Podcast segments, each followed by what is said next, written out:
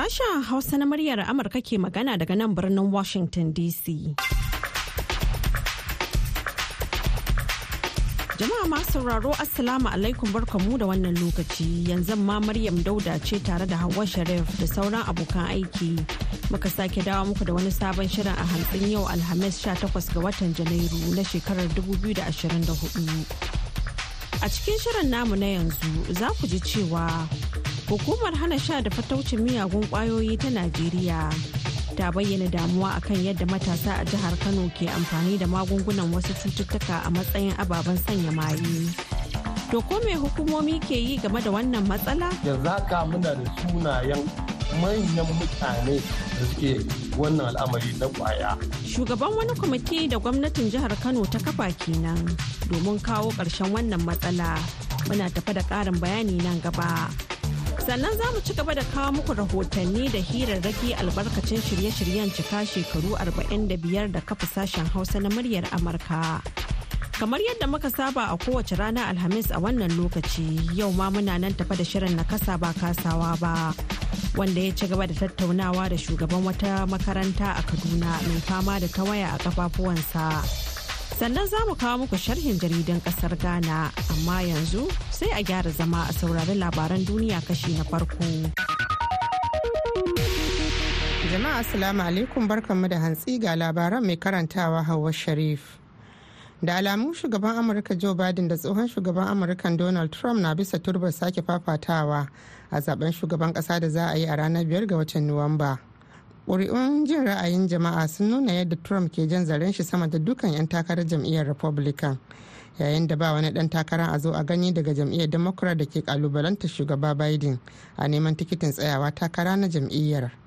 To sai dai tana kasa tana dabo ga tsohon shugaba donald trump sakamakon matsalolin shari'a da suka dabaibaye shi da shekaru da suka damƙe shi inda yanzu haka yake fuskantar tuhume-tuhume akan manyan laifuffuka har 91 da ake sa ran somawa da akalla guda ɗaya daga ciki a wannan shekarar. Ga kuma batun lafiya da ka iya haifar da cikas ko dai ga trump ɗin mai shekaru 77 ko kuma shugaba biden mai shekaru 81 tambayar ita ce ko za a tilastawa ɗaya daga cikin su ficewa daga takarar bisa dalilan rashin lafiya ko na shari'a ko kuma wasu dalilai na daban. Ansar da ake ganin lokaci ne kawai zai iya amsa ta. A wani labarin makamancin wannan a jiya laraba alkalin wata babbar kotun tarayya da ke birnin new york ta yi barazanar korar tsohon shugaban amurka donald trump daga cikin kotu a yayin gudanar da shari'ar da ake masa sakamakon tsalma baki da ya riƙa yi yayin da wadda take zargin shi writer e. Jean carroll ke bayar da shaidar ta a gaban kotun. Carroll dai na neman fansa ne daga trump bisa zargin da ta mishi na bata mata suna bayan da ta zarge shi da lalata a gwamman shekaru da suka shige. Mai shari'a lewis kaplan ta shaida wa trump cewa za ta soke damar da yake da ita a yanzu a shari'ar muddin ya ci gaba da yin kunnen uwar shegu da gargaɗin da ake mishi na kama bakinsa na maganganun shi su daina shiga kunnuwan masu taimakawa alkali yanke hukunci su tara. Wani jami'in hukumar lafiya ta duniya da ya dawo daga yankin zirin gaza a kwanan nan ya faɗa a jiya laraba cewa sannan a hankali tsarin kiwon lafiya na lalacewa cikin sauri a gaza. Da ya sa ake buƙatar ƙarin ma'aikata da kayan aiki cikin gaggawa. Jami'in sashen kulawa gaggawa na hukumar lafiyan ta duniya sian kase ya shaida manema labarai a harabar ofishin majalisar ɗinkin duniya cewa ya gane wa idanunsa yadda tsarin kiwon lafiyar gaza ke rugujewa. Kase ya shafa makonni biyar a gaza inda ya tafi tun a farkon watan disambar bara ya kuma gana da jami'an kiwon lafiya da marasa lafiya a sassa daban-daban na yankin.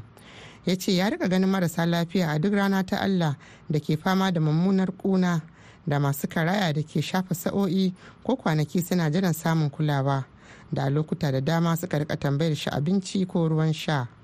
Ana sauraron labaran ne daga nan sashen hausa na murya amurka a birnin washington dc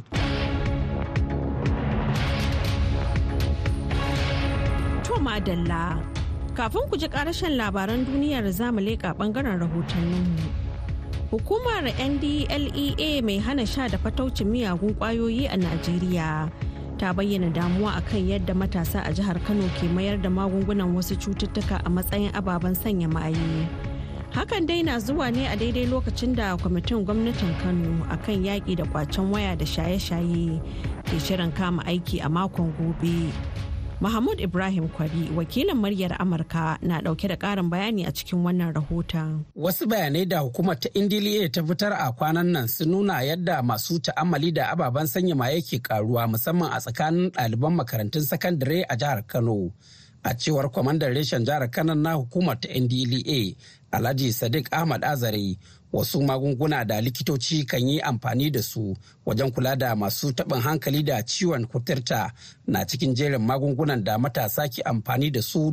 asibitin da ake kula da wanda suke da matsala na kuturta akan ba su wannan maganin kuma shi kansa wannan maganin ba guda ake badawa wa masu wannan ciwon. Akan raba shi lokacin gida huɗu ne. To amma kuma abin mamaki sai ya zama na matasa wani lokacin ma kusan kaman leda guda zai iya shanyewa. Banda cutan kamar kuturta lalurin taɓin hankali shi ma akan yi amfani da wannan maganin to amma a hankali a hankali sai kuma matasa suka samu wani hanya suna ɗauko irin waɗannan magunguna suna amfani da shi wajen biyan bukatunsu. Ta yiwu damuwa da wannan yanayi ne ya sanya gwamnatin Kano ta kafa wani kwamitin kata kwana wanda ya ƙunshi dukkanin hukumomin tsaro da sauran masu ruwa da tsaki domin daƙile wannan matsala. Janar gambo mai addu'a mai ritaya shine shugaban kwamitin. An ba mu motoci wanda za mu amfani da su ga kotu wanda za mu riƙa yawo da ita za mu bi anguwa anguwa. Kuma muna da masu bayanan sirri wanda za su faɗa mana gurare santoci waɗanda yake ake wannan ƙazamin sana'a. Sai mu tabbata wannan al'amari mun yi maganin su gaba ɗaya a Kano insha Allah. Sai dai gabanin wannan kwamiti ya fara aiki ga dangadan hukumar ta NDLA ta ce ta himmatu wajen toshe kafofin da matasan ke samun waɗancan magunguna su mayar da su kayan maye. Domin ko ranar wannan asabar da wuce a nan akwai babban kamu da muka yi na wannan maganin wajen kilogram 81 kwaya-kwaya da muka samu 249 ko wannan da muka kama shi ɗin nan ba a shigo da shi a kwalinsa ba kulle shi aka yi a buhu kamar yadda ka san an ɗauko buhun hatsi. Yan vigilante na unguwanni da sauransu su ma suna taimakawa wajen sa ido akan wannan abun a yanzu. A cewar janar gamba mai addu'a kwamitinsa ya fara tattara bayanai akan masu cinikayyar ababen sanya maye su shigo da su birnin kano. Yanzu haka muna da sunayen manyan mutane da suke wannan al'amari na ƙwaya. Kuma sannan akwai wata kasuwa da aka buɗe ta dangoro to muna ƙoƙarin wannan dangoro market da yake tana da matakan tsaro tana da gurare wanda ke za mu sa mutanenmu su kula da shiga da fita. Idan Allah ya sa muka kafa kotun nan muna ƙoƙari mu ga duk wani wanda yake sai da magani drugs pharmacy za mu yi ƙoƙari mu maida shi wannan wajen yanda yake duk abin da ke faruwa za mu kula da shi. Sai dai masu kula da lamura sun ce nasarar aikin kwamitin za ta dogara ne ka cokam akan goyon bayan da ya samu daga gwamnati al'ummar gari da sauran masu ruwa da tsaki a cikin al'umma. Mahmud ibrahim kwari muryar amurka daga kano nigeria.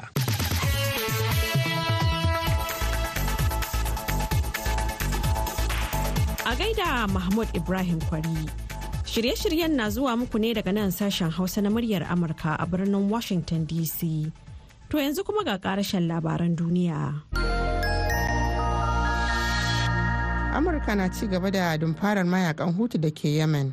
inda ta sauya matsayinsu zuwa ƙungiyar ta'addancin duniya da ta kira ta musamman ko kuma sdgt biyu bayan makonni da mayaƙan suka shafe suna kai hare-hare da makamai masu linzami da jirage marasa matuki akan jiragen ruwan ƙasashen duniya da ke tafiya ta kogin bahar maliya. Yunkurin ya biyo baya ne shekaru uku bayan ayyana mayaƙan hutun a matsayin ƙungiyar 'yan ta'adda inda daga bisani aka cire su bisa dalilan jin kai da dorawa da maimaita kiraye-kirayen amurka da sauran ƙasashe ga mayaƙan na huti na su daina kai hare-haren da suke kaiwa kan jiragen ruwa na kasuwanci. Mayakan hutu dai sun yi birza wannan buƙata inda suka ci gaba da kai hare-hare duk da jerin hare-hare ta sama da amurka da birtaniya suka riƙa kaiwa domin lalata hanyar da suke bi wajen kaddamar da hare-haren. An kashe mai gabatar da kara da ke binciken wani harin bindiga mai ban al'ajabi da wata ƙungiyar 'yan bindiga ta kai a makon jiya a gidan talabijin ɗin ƙasar ecuador yayin gabatar da wani shiri kai tsaye ta harbin bindiga a jiya laraba cewar babban mai shari'ar ƙasar. Wata majiya daga ofishin mai gabatar da karan ta shaida wa kafar labaru ta afp cewa cesar suarez shi ke aikin gano ƙungiyar 'yan bindigar mai ɗauke da muggan makamai da ke da alhakin harin ta'addanci da aka kai a gidan talabijin ɗin ƙasar na tc television. Kamfanin labarin na afp ya nuna hotunan motar suarez da yadda aka yi gefen direban kace-kace da harbin bindiga akan wani titin birnin na kuyangayar ya kasance cibiyar yaƙi tsakanin ƙungiyoyi da ke tu'ammali da ƙwayoyi da ke tashi a ƙasar ta ecuador. Labaran duniya aka saurara daga nan sashen hausa na muryar amurka a birnin washington dc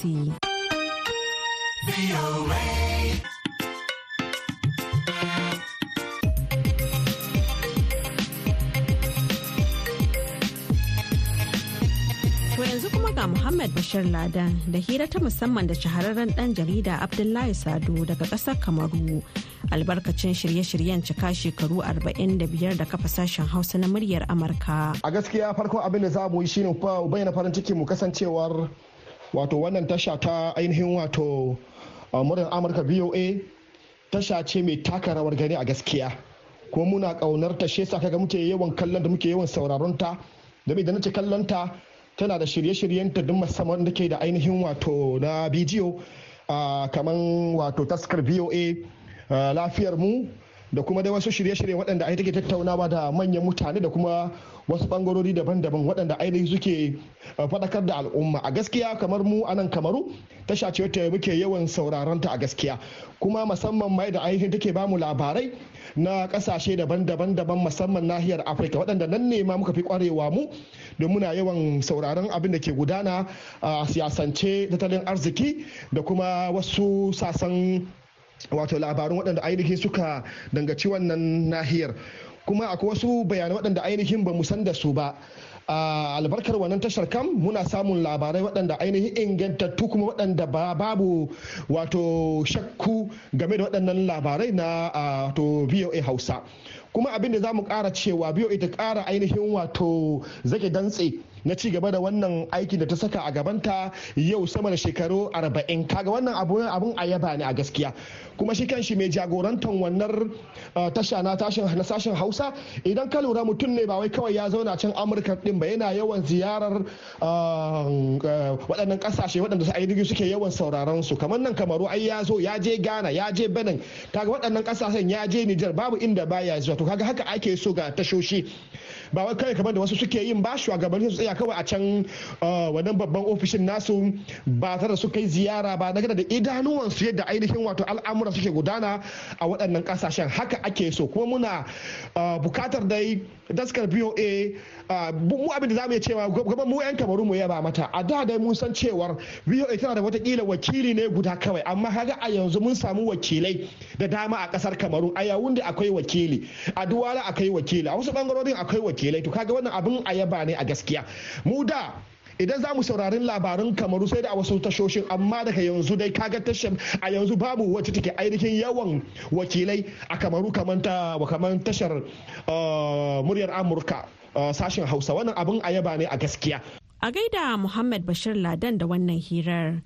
To kafin ku ji shirinmu na gaba ku dan shakata da wannan waƙar.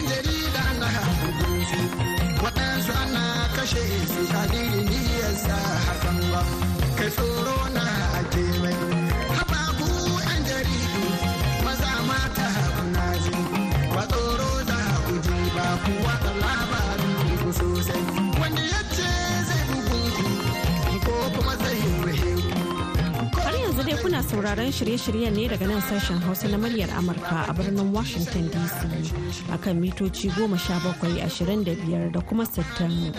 A jamhuriyar Nijar kuma za a iya sauraron mu a tashar mu ta VOA Africa akan mita 200.5 zangon FM. Bayan haka a koda yaushe za a iya jin mu a shafukanmu na yanar gizo a voahausa.com ko kuma sashen hausa.com. Yanzu kuma ga shirinmu na gaba. Nakasa. Nakasa. Nakasa. Ba kasawa ba.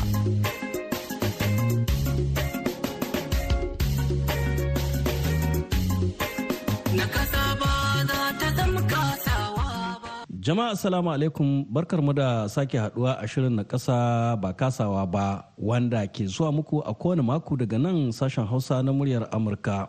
Sunana Sule Mumuni Barma.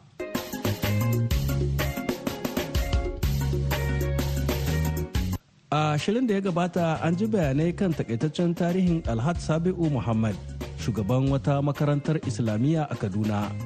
Malam Dalhat wanda ke da tawaya a dukkan kafafunsa biyu mutum ne da ke sha'awar karatu, saboda haka a zamanin da yake matashi ya haɗa boko da karatun Islamiyya, kamar yadda ya ɗan taɓa wasu sana'o'i a matsayin wata hanyar samun abin rufin asiri.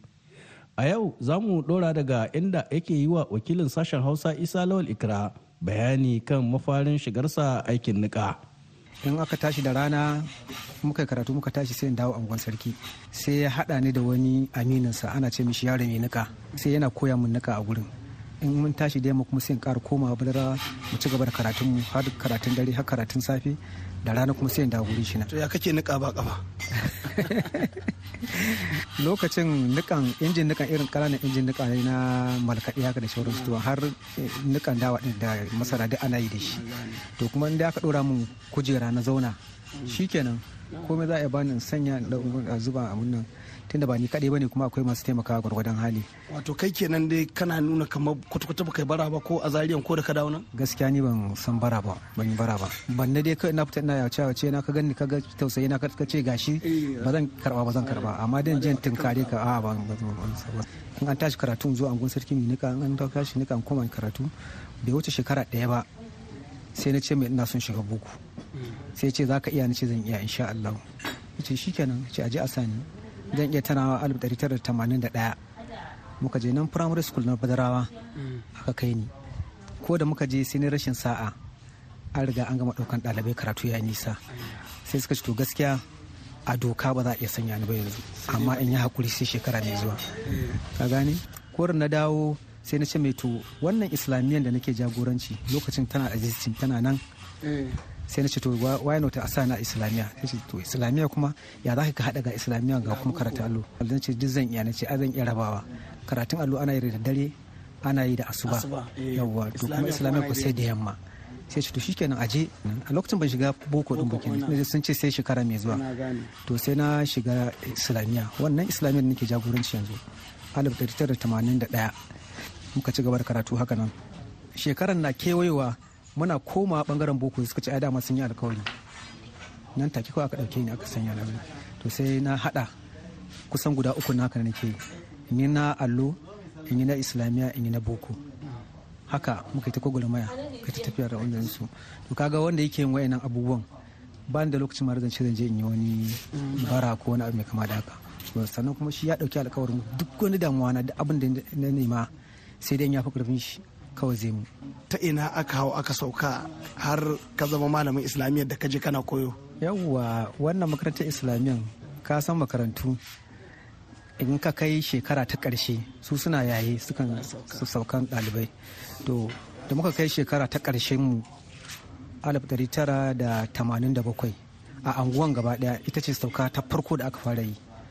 Allah ya taimake mu lokacin shaka abubakar mahmud gumi na da rai.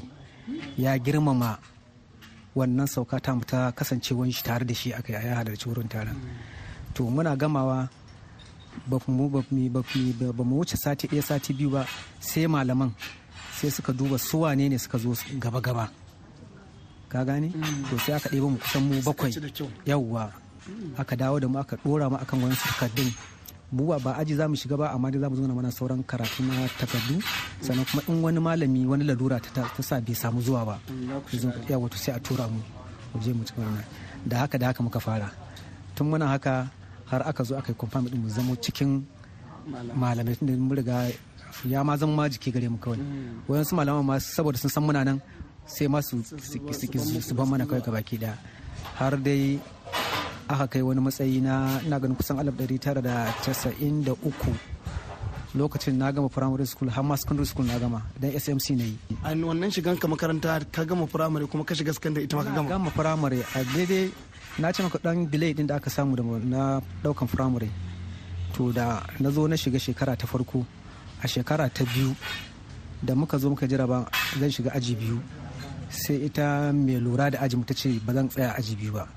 Sai ta tsallaka da ni zuwa aji uku don tana ganin cewa fahimta ta ta wuce na yan yawwa sai su tsallaka da to sai abin ya zo mana daidai islamiyya shekara ɗaya da boko muke tafiya. To masu sauraro nan za mu dakatar da shirin a yau sai a makon gobe za mu zo da ci gaban wannan tantaunawa.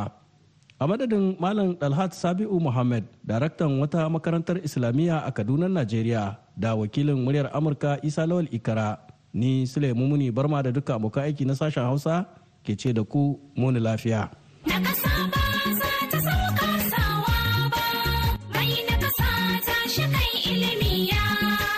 Malam na a gaida Sulaiman Muna Barma yanzu kuma ga sharhin jaridan ƙasar Ghana.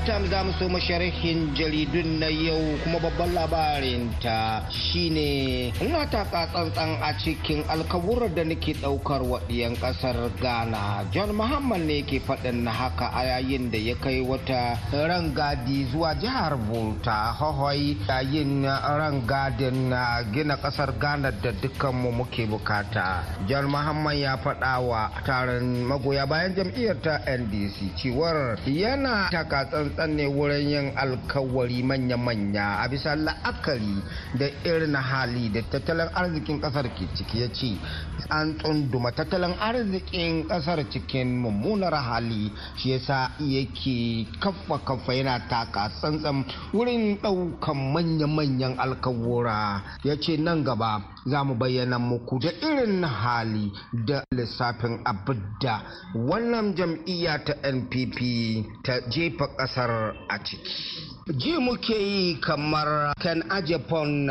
zagin mu ya zo ya yi. Wakilan jam'iyyar npp na banta makenan ke wannan saukaci. Jaridar da harar ce ta rawaito wannan labarin. Jaridar ta ce wasu magoya bayan jam'iyyar new patriotic party a ainihin mazaɓar banta ma daga cikin jihar shanti sun nuna cewar suna jin irin jawabar da mamban majalisar dokoki na asan central canada japan ya yi. Zagin su ya yi yayin da ya zo yake wa uwansa da zai yi takara da amfin yankin francis asensu campaign a mr. Japan ya isa wannan mazaɓan ne kamar yadda na nuna don taimakawa ralph a. Japan da ke takara da majalisar a ran 27 ga watan janairu shekara ta 2024 shi tsohon dan takarar shugaban kasa wadda bai nasara mana npp a wurin wani taro da wasu wakilan banta ranar alhamis ya yi amfani da wannan daman ya rinka yin ɓaci ga mr asan subuwaci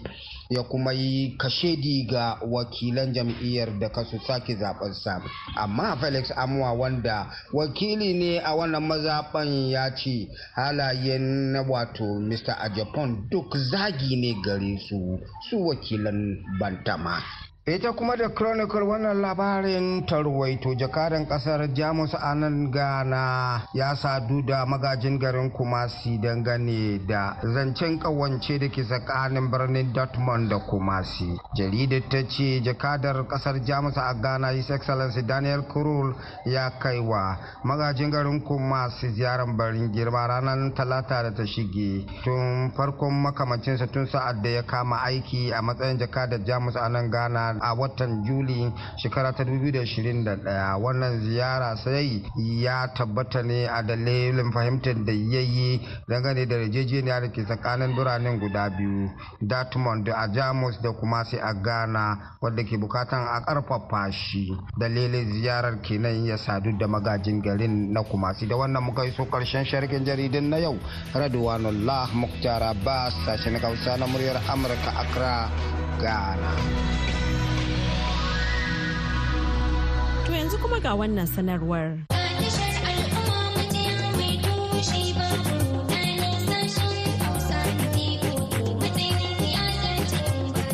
Lalle hakika shekara kwana ce. A ranar 21 ga watan Janairun shekara ta 2024 sashen Hausa na murya Amurka ke cika shekaru 45 da kafowa. Hmm, shekaru 45. Eh shekaru 45 kenan da sashen Hausa na murya Amurka ya kwashe yana watso muku shirye-shirye daga birnin Washington DC.